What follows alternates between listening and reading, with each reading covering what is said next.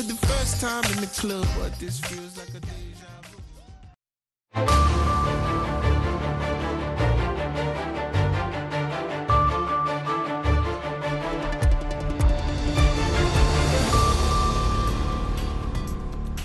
halkani waa washington laantaaf soomaaliga idaacadda v o a oo aad ka dhagaysanaysaan mawjadaha gaagaaban efemyada geeska afrika iyo caalamka oo dhan oo aad nagala socotaan v o a somali com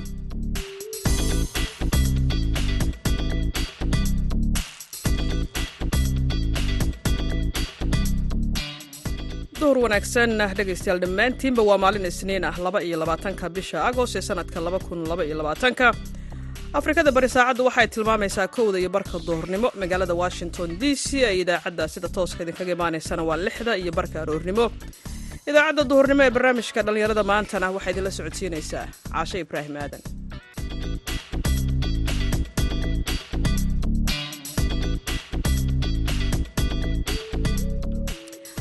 qodobada aad ku maqli doontaan idaacadda duhurnimo waxaa ka mid ah magaalada qardho oo lagu qabtay bandhig ganacsi kaas oo ay ka faa'iidaysteen ganacsato ay dhallinyaro ka mid yihiin. Dhallinyarada waxaan leeyahay waa u jeedaan dhallinyaro haldoor ah oo dhallinyaradeenii ah baa ganacsigan furtay ikhtiraca la yimi ka faa'iidaystay. Waxaa sidoo kale aad maqli doontaan dadka ku dhaqan xeryaha qaxootiga ee dhadhaab oo ka faa'iidaystay mashruuc biyogelina oo ay maalgeliyeen hay'ado gargaar. Kaalimihii heesaha ayaad sidoo kale maqli doontaan balse marka hore waxaad ku soo dhowaataan warka caalamka oo aan idin akhriyo.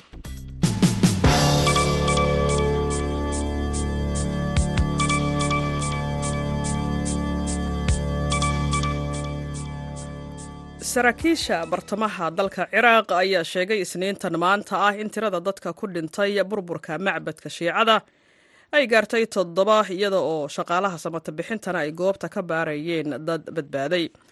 Dhulgo-a ayaa sabtidii waxa uu ku dhuftay macbadka u dhow magaalada layidhaahda karbala. Saraakiisha ayaa waxa ay sheegeen in dadka dhintay ay ku jiraan afar dumar ah laba rag ah iyo carruur. Kooxaha baadigoobka ah ayay u suurta gashay inay goobta ka soo badbaadiyaan lix qof. Difaaca madaniga ah ayaa dhulgo-a waxa uu ku eedeeyey qoyaan badan oo ka jira gobolka madaxweynaha dalka ukrain valadimir zelenski ayaa ka digay falalka suurtagalka ah ee ruushka. Xilli dalka ukrain ay isu diyaarinayso in ay xusto madax bannaanideeda maalinta arbacada ah ee soo socota. Isniinta intii lagu guda jiray khudbadiisii habeennimadii axadda ahayd ayaa zelenski waxa uu sheegay in uu kala hadlay madaxweynaha dalka faransiiska emmanuel macron dhammaan hanjabaadaha siduu hadalka u dhigay ee ka imaanaya dalka ruushka iyo fariimo la mid ah oo loo diray.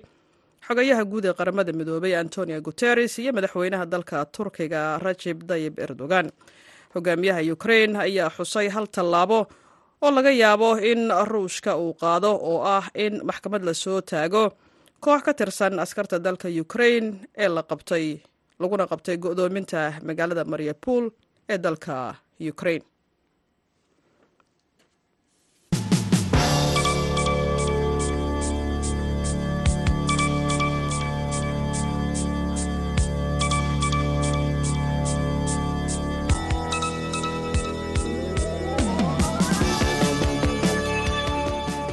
duhur wanaagsan. Ayaan dhegaystayaal mar kale hawada idinka leenahay. Meel kasta oo aad naga maqlaysaan.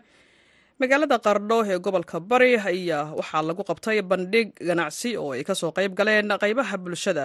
Dhallinyaro ayaa madashaasi waxa ay ku soo bandhigeen hal abuur ganacsi oo ay ka faa'iidaysteen dhallinyaro iyo dadka kale ee bulshada qardho ka mida yuusuf maxamuud yuusuf ayaa warbixintan ka soo diray boosaaso bandhig ganacsiyeedkan lagu qabtay magaalada qardho ayaa ahaa kii ugu horreeyey oo noociisa ah lagu qabto magaaladaasi waxaana ganacsigooda ku soo bandhigaya ganacsato u badnaa dhallinyaro kuwaasoo ku ganacsada gudaha magaalada waxayna ku soo bandhigayeen adeegyada iibiyaan iyadoona ay goobjoog ka ahaayeen mas'uuliyiin ka socday maamulka puntland oo dhiirigelin u sameeyey ganacsatada magaalada. Inta uu socday bandhigan ganacsi ayay dhallinyarada qaarkood goobta ku iibinayeen ganacsigooda si dhaqaale ka yar ay uga siiyaan dadka goobta joogay waxayna isugu jireen nooc walba oo ka mid ah kuwa lagu iibiyo suuqyada halka qaar kalena ay ku soo bandhigayeen goobtan allaabo laga sameeyey wax soo saarka dalka noocyadiisa kala duwan. Warsan cabdulaahi axmed oo ka mid a qabanqaabiyaasha bandhigan ganacsi ayaa ka hadashay ujeeddada loo qabtay bandhigan ganacsi ahmiyadda kale waxay ahayd in aan magaaladan aan tusino dadka u dhashay deegaankan ee qurbajoogta ah inay jiraan dad qurbajoog ah oo ganacsiyo ka abaabulay oo yacni ganacsiyo wanaagsan ku haysto iyagana waxay u noqonaysaa tusaale wanaagsan. Waxay noqon doontaa barnaamij tusaale u ah oo lagu dhiirado. Midda saddexaad ahmiyadda kalean ka lahayna waxay ahayd inaan ganacsiyada midayno awoodooda inay wada shaqeeyaan ganacsi weyn iyo ganacsi yarba. In aan barnaamijkan xoojinno oo aan yacni maadaama haddana lagu jiro xilli adag bulshada way u baahan tahay runtii in loo naxariisto. Waxyaaba ay jeclaan lahaayeen inay gataan oo markay dukaanka imaadaan qaali ku ahaa maanta inay fursad u helaan inay qiimo jaban ay ku helaan marka intaasoo ahmiyadood ayaa yacni runtii na tusisay marka dambena waxaan rajaynayaa inay ganacsatada kale nagu dayato si iskaa wax u qabsa ayaan barnaamijkan ku hirgelinay. Hay'ad ma jirto nafangaraysay cid ma jirto kira naga bixisay? Cid wax nagu siisa ma jirto? Waxaanoo dhan annagaa soo abaabulna marka taasna waxaan rabnaa inaan tusaale u noqonno bulshadeenna inay iyaga wax qabsan karaan. Aysan u baahnayn hay'ad inay dabada naga riixdo ama in dariiqa nala tuso nala warhaye balkaalaya waxaan idiin qabanaynaa. Laakiin annaga aan noqonno dad ayaga iskood wax u qabsan karaan caqligooda ku socdo waxna qabsan karaan. Awoodeennana aan aamino. Marka dhinaca kale mas'uuliyiin ka socday maamulka puntland ugu horreeyey wasiirka wasaaradda tamarta iyo macdanta puntland caarshe maxamed siciid gudoomiyaha gobolka karkaar cabdi siciid iyo duqa magaaladaasi. Cabdi siciid qaal ayaa dhammaan ganacsatada soo bandhigay ganacsigooda ku dhiirageliyey in ay sii horumariyaan ganacsigooda. Dhallinyarada waxaan leeyahay waa u jeedaan dhallinyaro haldoor ah oo dhallinyaradeenii ah baa ganacsigan furtay ikhtiraca la yimi ka faa'iidaystay ganacsiga quruxda badan caawa magarata bandhigiisa aad joogno soo bandhigay. Marka dalku waa fursad badataa ka bannaan dalku shaquu leeyahay aragti ganacsi ha lala yimaado qof walbo maskaxda tuuji aragti ganacsi la imow ha koobin ganacsiga dariskaaga ee feker ganacsi oo cusub la imow. Inta badan waxaa caan ku nahay soomaalida haddaan nahay qofbaa feker ganacsi keenaya markuu dhaqdhaqaaq iyo quruxdiisa la arko dhinaciisa laga furayaa mid kii la mid ah. Marka maskaxda aan tuujinno oo ganacsi cusub oo halabuur aan keenno taasuna waxay daliil u tahay dalkeennu inuu leeyahay fursado ganacsi oo tiro badan. Marka maskaxda hala tuujiyo dhallinyarada taasaan leeyahay ganacsatada jeebka weyn waxaan leeyahay dhaqaalaha geystaan east africa iyo meelaha ka fogfog dalkiina ku maalgashta marka insha allah waa aad baan idin mahad celinaynaa wax wax badan oo meel kale loo aadi jiray. Baa insha allah keenteen waxaan rajaynaynaa xataa kuwa guryaha la dhigto oo dadka gaarka ah oo iibaan iyadana inaad keentaan haddii aan la yidhaahdo barnaamijka barnaamij loo baahnaa waddanku u baahan yahay. Waxyaalaha lagu soo bandhigay iyo adduunku ganacsigu waxay leeyihiin nidaamka noocaana.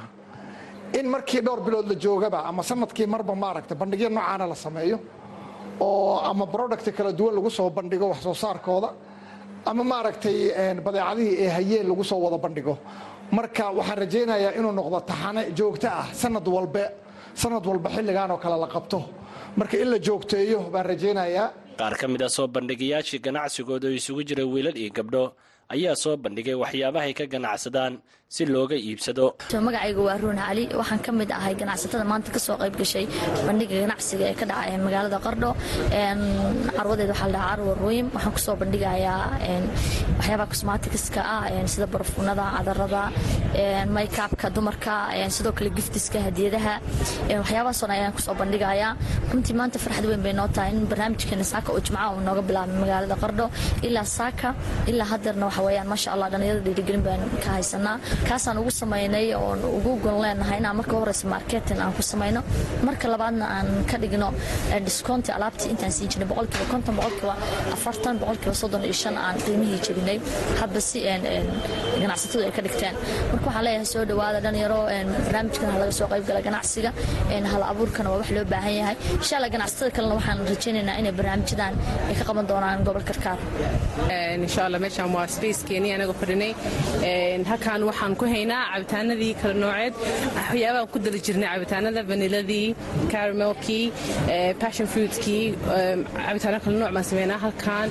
Waxaan ku haynaa chocolatadii aan ku sameyno milk shakeyada aan isku shiidno caanihii iyo chocolatkii aan isku shiidno. Halkaan shaaxii baa noo yaalla halkaan waxaa la dhahaa cabitaan oo aashito laga sameeyo oo waxa weeye refreshing ah very refreshing ah. Mohita la dhahaa baraf iyo liin dhanaan iyo nacnac oo mint la dhaho english. Baa lagu sameeyey halkaan waxaan haysanaa fahitooyinkii waa chicken shawarma oo kale haddii sida loo yaqaano.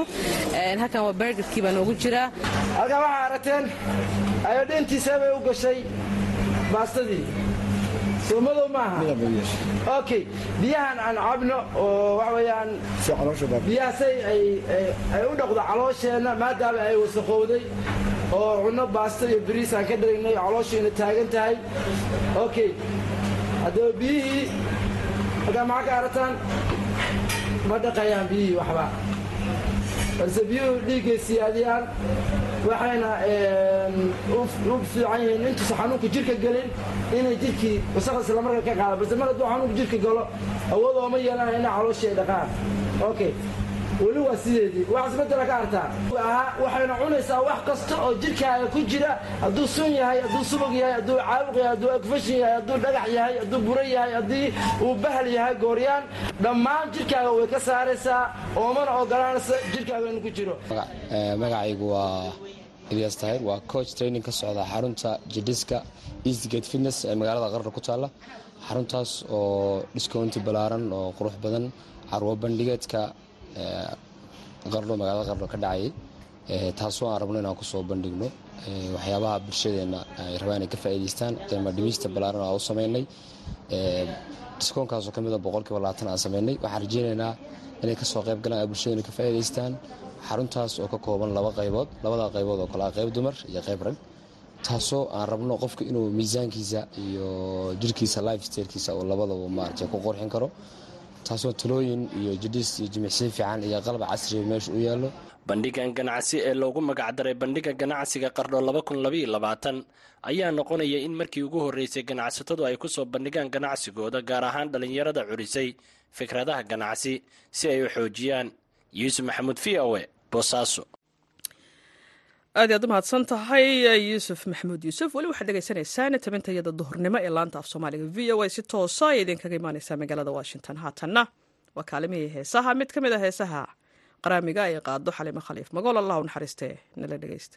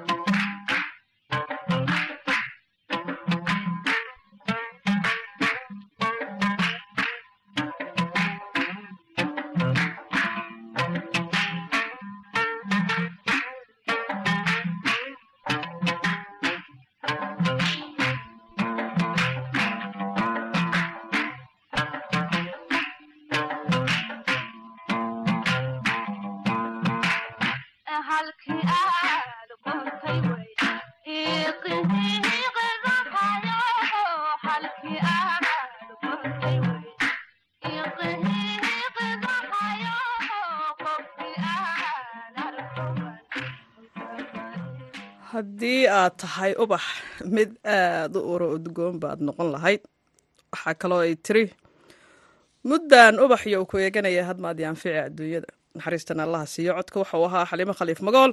Weli waxaad dhegaysanaysaan tabinta iyada duhurnimo ee laanta af soomaaliga v o a. Si toosa ayay idinkaga imaaneysaa magaalada washington. Aan dib ugu noqonno qaybaha kale ee idaacadda urur ay ku midaysan yihiin dhallinyaro ka kooban qaxootiga dhadhaab iyo bulshada deegaanka ayaa waxay ka faa'iidaysteen mashruuc biyogelin ah oo ay maalgeliyeen hay'adaha u n h c r iyo ker oo fursado shaqo abuur ah u sameeyey dhallinyaradaasi si loo xoojiyo isdhexgalka bulshadaasi.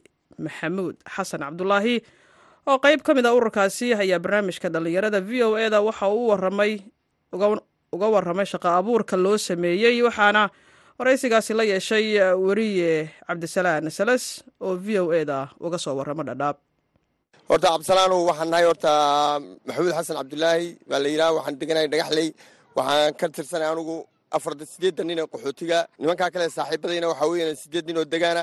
Waxa maaragtay united nationka iyo qaramada mudug iyo hay'adahan agentiga maaragtay waxay noo qalqaaliyeen inaan isdhexgal samayno oon wax wadaagno. Waxaa naloo furay ceel biyood oo naloo sameeyey oo ilaa toban milyan la geliyey oo annaga nalagu wareejiyey. Muddo laba sanaba waan isticmaalaynaa xaafadaha qaar baan gelinay. Maqaaxiyaha dhammaan warshadaha maqaaxiyaha dukaamada dhammaan waan gelinay. Biyogelin fiican baan samaynay. Haddana waxaan rabnaa inaan marshuucan beeraha u soo jeedsanno maadaamaan magaaladii dhulkii biyihii wala gelinay. Oo biyo ka raqiisan oo biyihii hore biyo ka raqiisan aan keennay inaan marshuucan beeraha haddana galno. Yaan maaragtay yaan hadda rajaynaynaa. Awal hore biyaha maqaaxiyuhu dhib bay ku haysteen. Anugu waxaan ahay nin maqaaxiya ka mid a nin businessman baan ahay maqaaxi baan leeyahay. Biyuhu waxay noo soo dhici jireen subaxdii laba saac afar saacna waa nalaga jeri jiray. Laakiin hadda biyahani habeenkii ilaa lix saac toddoba saac siddeed saac wakhti alla wakhtigaad u baahatid waad helaysaa? Waa biyo kayda oon kaydinay oon ugu tala galnay qaxootiga inuu maaragtay uu ka macaanfado. Maadaama hay'addii ay laba saacna soo daynayso afar saacna goynayso oo dadkii businesska ahaa maadaama busineskii uu batay baan ugu tala galnay in maaragtay ay biyuhu joogto noo noqdaan waa tahay maxamuud mashruucan aa sheegtay hay'adii si gaara u maalgelisay maxayse tahay maalgelintan muhiimadda laga leeyahay horta hay'adda waxaa maalgelisay u n iyo ker oo iskaashaday oo isku tegey oo midoobey oo yaa maaragtay maalgeliyey waxaana loogu talagalay xagga nadaafadda ee suuqa inaanu wax ka qabanno oon annagu suuqa isdaberino waxyaalaha masalan hadduu neef meesha ku baktiyo hay'addii intayna soo gaarin in annagu qaadnaa la rabaa. Haddii maaragtay meel ay maaragtay wasakh badan ay noqoto waxaan rabnaa inaan annagu guruub ahaan inaan iskaashanno oo maaragtay aan qashinka iyo wixii iyo nadaafadda iyo wixii aan ururino oon qaadno baa horta guruubka loogu talagalay. Waa nadaafadda suuqa loogu talagalay. Haddana waxaa naloogu talagalay dhiirigelin sidii aan degaanka iyo qaxootigu isku dhexgeli lahaayeen ba haddana maaragtay naloogu talagalay waayahay qaabkee baa laidiin soo xushay maadaama ururo badan ay ka jiraan xeryaha degaankii iyo qaxootigiiba. Waxaa naloo soo xushay oon iskaa wax u qabanayni awal horaan ilaa lix bilood ban iskaa wax u qaban jirnay. Maadaama iskaa wax u qaban jirnay waxyaalihii aan u baahanay ee ahayd ama nadaafad ama ahayd ama inaan maaragtay maaragtay qof shaqaale wax walba inaan si aan isku daberno bay inta nagu caawiyeen. Haambiyoodoo haamihii hore ahaya bayna siiyeen waxayna yeeleen habeenkiina shidaalka ku shubta. Habeenkii markuu qaxootigu motoorka shita maadaama maalintii soolar laga dhigay motooradii ayna shaqaynayn habeenkii shita haanta habeenkii buuxsada maalintii markaa suuqa yah suuqa ka iibsada. Sidaa iyo nadaafadiinnii iyo wixiinnii iyo ishkaashigiinnii isku celceliya wakaa waayahay waa mashruuc ballaaran oo marka dhinac loo fiirina dhaqaale abuur wanaagsan idin ah. N bulsho intee leeg ayaa ka faa'iidaysatay in badan baa ka faa'idaystay wax badan. Maalintii waxaa jooga shan nin baa jooga iyo laba dumara oo dhulka xaaqa. Habeenkii saddex waardiyay leedahay. Waxa weeyaan korna waxaa ka maamula ilaa toddoba nin baa ka ilaa labaatan qof ayaa maaragtay masaariif ka raadsada waxaas leeyahay oo qaxootiga wakaa aad bay u u leedahay. Waa tahay. Markaan dhinaca kale ka eegno n isdhexgalka deegaanka iyo qaxootiga arrintan maxay faa'iida u leedahay? Maadaama aad tihiin dabcan lix iyo toban qof oo ka kooban labada dhinac. Waxay faa'iido u tahay. Waaman is-aaminayba hadda lacagtii waxaan ku ridanaa maaragtay ecoto banki waan ku ridanaa lacagtii war hebeloo soo qaad baa la yidhaha war hebeloo lacagta xaree baa la yidhaha. Waaman is-aaminayba shirkad kaloo aryana waan samaynay oo ayaantii dhaweyda hadda maaragtay ahayd ciidda. Waan iibinay. Haddana waxaan rabnaa hadduu ilaa yidhaha inaan ari kale duurka geyno oo maaragtay aan qaar raacino. Waaman is-aaminayba isdhexgal fiican baan samaynayba wakaa waa tahay. In waqti dheeraad halkan ku noosha maxamuudow waxaana tahay shaksi dabcan arrimahan aada ugu ugu wacan dhaqdhaqaaqooda. In fursadahan in la ballaariyo baahideeda xeryaha ma ka jirtaa? Way ka jirtaa aad iyo aad bay uga jirtaa. Waxa weeyaan mataqaanaa dee niyo waxaa yidhi geed kaa qariyey geeri u dhow baa la yidhi. Waxay anoo soddon iyo laba sanaa meesha joognaa. Dalkii aan ka nimidna dee in badan baan ka soo joognay. Waxaan rabnaa inaan dhulkan la qabsanno. Dhulka waa dalkayagii wixii markii hadhow uu ilaahay nabadgelyo keenana waxaan rabnaa inaan maaragtay si fiican dhulka u degno oday aan ka noqonno. Waa tahay arrintan beeraha waxaa arkayaa geedmareedo idiin baxayo liintii basbaaskii iyo geedo kaloo haatan aa beerteen. Yo arrintan waa aad u wanaagsan. Waxa weeyaan horta magaalaba maalin baa la degaa. Magaalaba maalin baa la degaa. Waxaan u malaynayaa magaaladii maalintan dabne maalin khayr qabtay in ahayde dee wataa liintii waan cunnay saytuunkii waan cunnay waa kan maaragtay mooskii waa kan. Marka wax walba wuu noo baxay waa ilaah alxamdigii haddana waxaan rabnaa inaan ka sii weynin oo marshuuc weyn inaan ceel qodanaan rabnaaba. Oo lagtaa lag dheere la yidhaah inaan dhinac ka galnaan rabnaa. Wakaa ugu dambayntii fariinta aad jeedinaysa maxay tahay? Waxaan jeedinayaa dadka dhallinyarada yaryar ee tahriibka iyo waxaa hadal haysa inay iska dhayso inay wax barato. Waxaan ogahay dhallinyaradii meesha wax ku bartay ee xeryaha qaxootiga ku bartay soomaaliya iyagaa madax kaa wasiirray ka noqdeen. Hay'adahana iyagaa u wada shaqeeya qaar baa madaxa. Sumala garan waxaan jeclahay oon ku baraarujinayaa in horta iskuulka iskuullada la aado iskuullada markii la aado in wax la barto in dhulka khayraadka uu leeyahana la ogaado naftana loo sheego. Haddaad maraykan ku nooshaa iyo haddaad maaragtay soomaaliya ku nooshaba inay shaqo una ku sayeyso oo waddanka laga shaqaystaan rabaa. Wakaa degaanka iyo qaxootigana waxaan leeyahay dee dad walaala oo walaalaa tihiin sumala garan dee waxaan rabaa inaad si fiican laysku dhexgalo walaala noqodaan rabaa. Intaasaan iyagana leeyahay maxamuud xasan cabdulaahi waxaan maqli jiray oraah ay inta badan dadka kenya yidhaahdaane ah kaasini kaasi shaqo waa shaqo meesha adduunka ay ku taalla amaad ka qabanaysidba. Maxamuud xasan cabdulaahi waxa uu u waramayay wariyaha v o eda ee xeryaha qaxootiga ee dhadhaab cabdisalaam sales. Halka weli nagala socotaana waa laanta af soomaaliga v o a mar kale iyo heesihii dabacsanaa idaacaddu gaar ahaan barnaamijku idinku talagalay codkii allah u naxariistay cumar dhuulle cali markan nala dhegeysta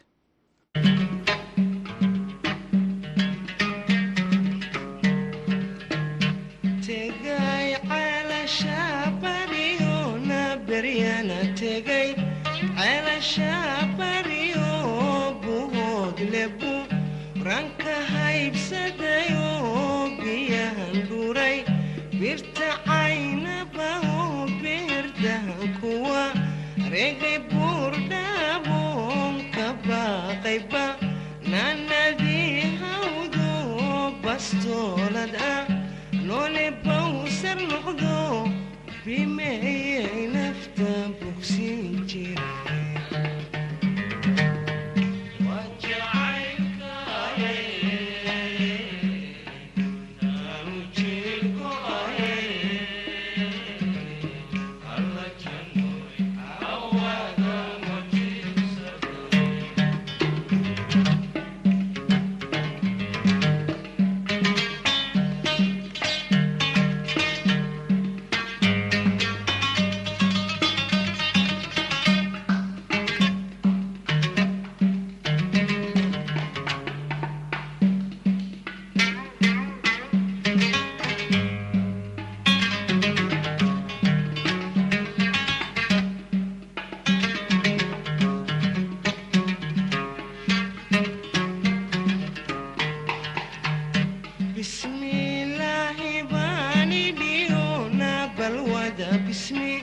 bismillaahi baani dhiyo xankabi labay bayd culuso burhantaydu cawaway bixiyo ilaahan baryay babkii way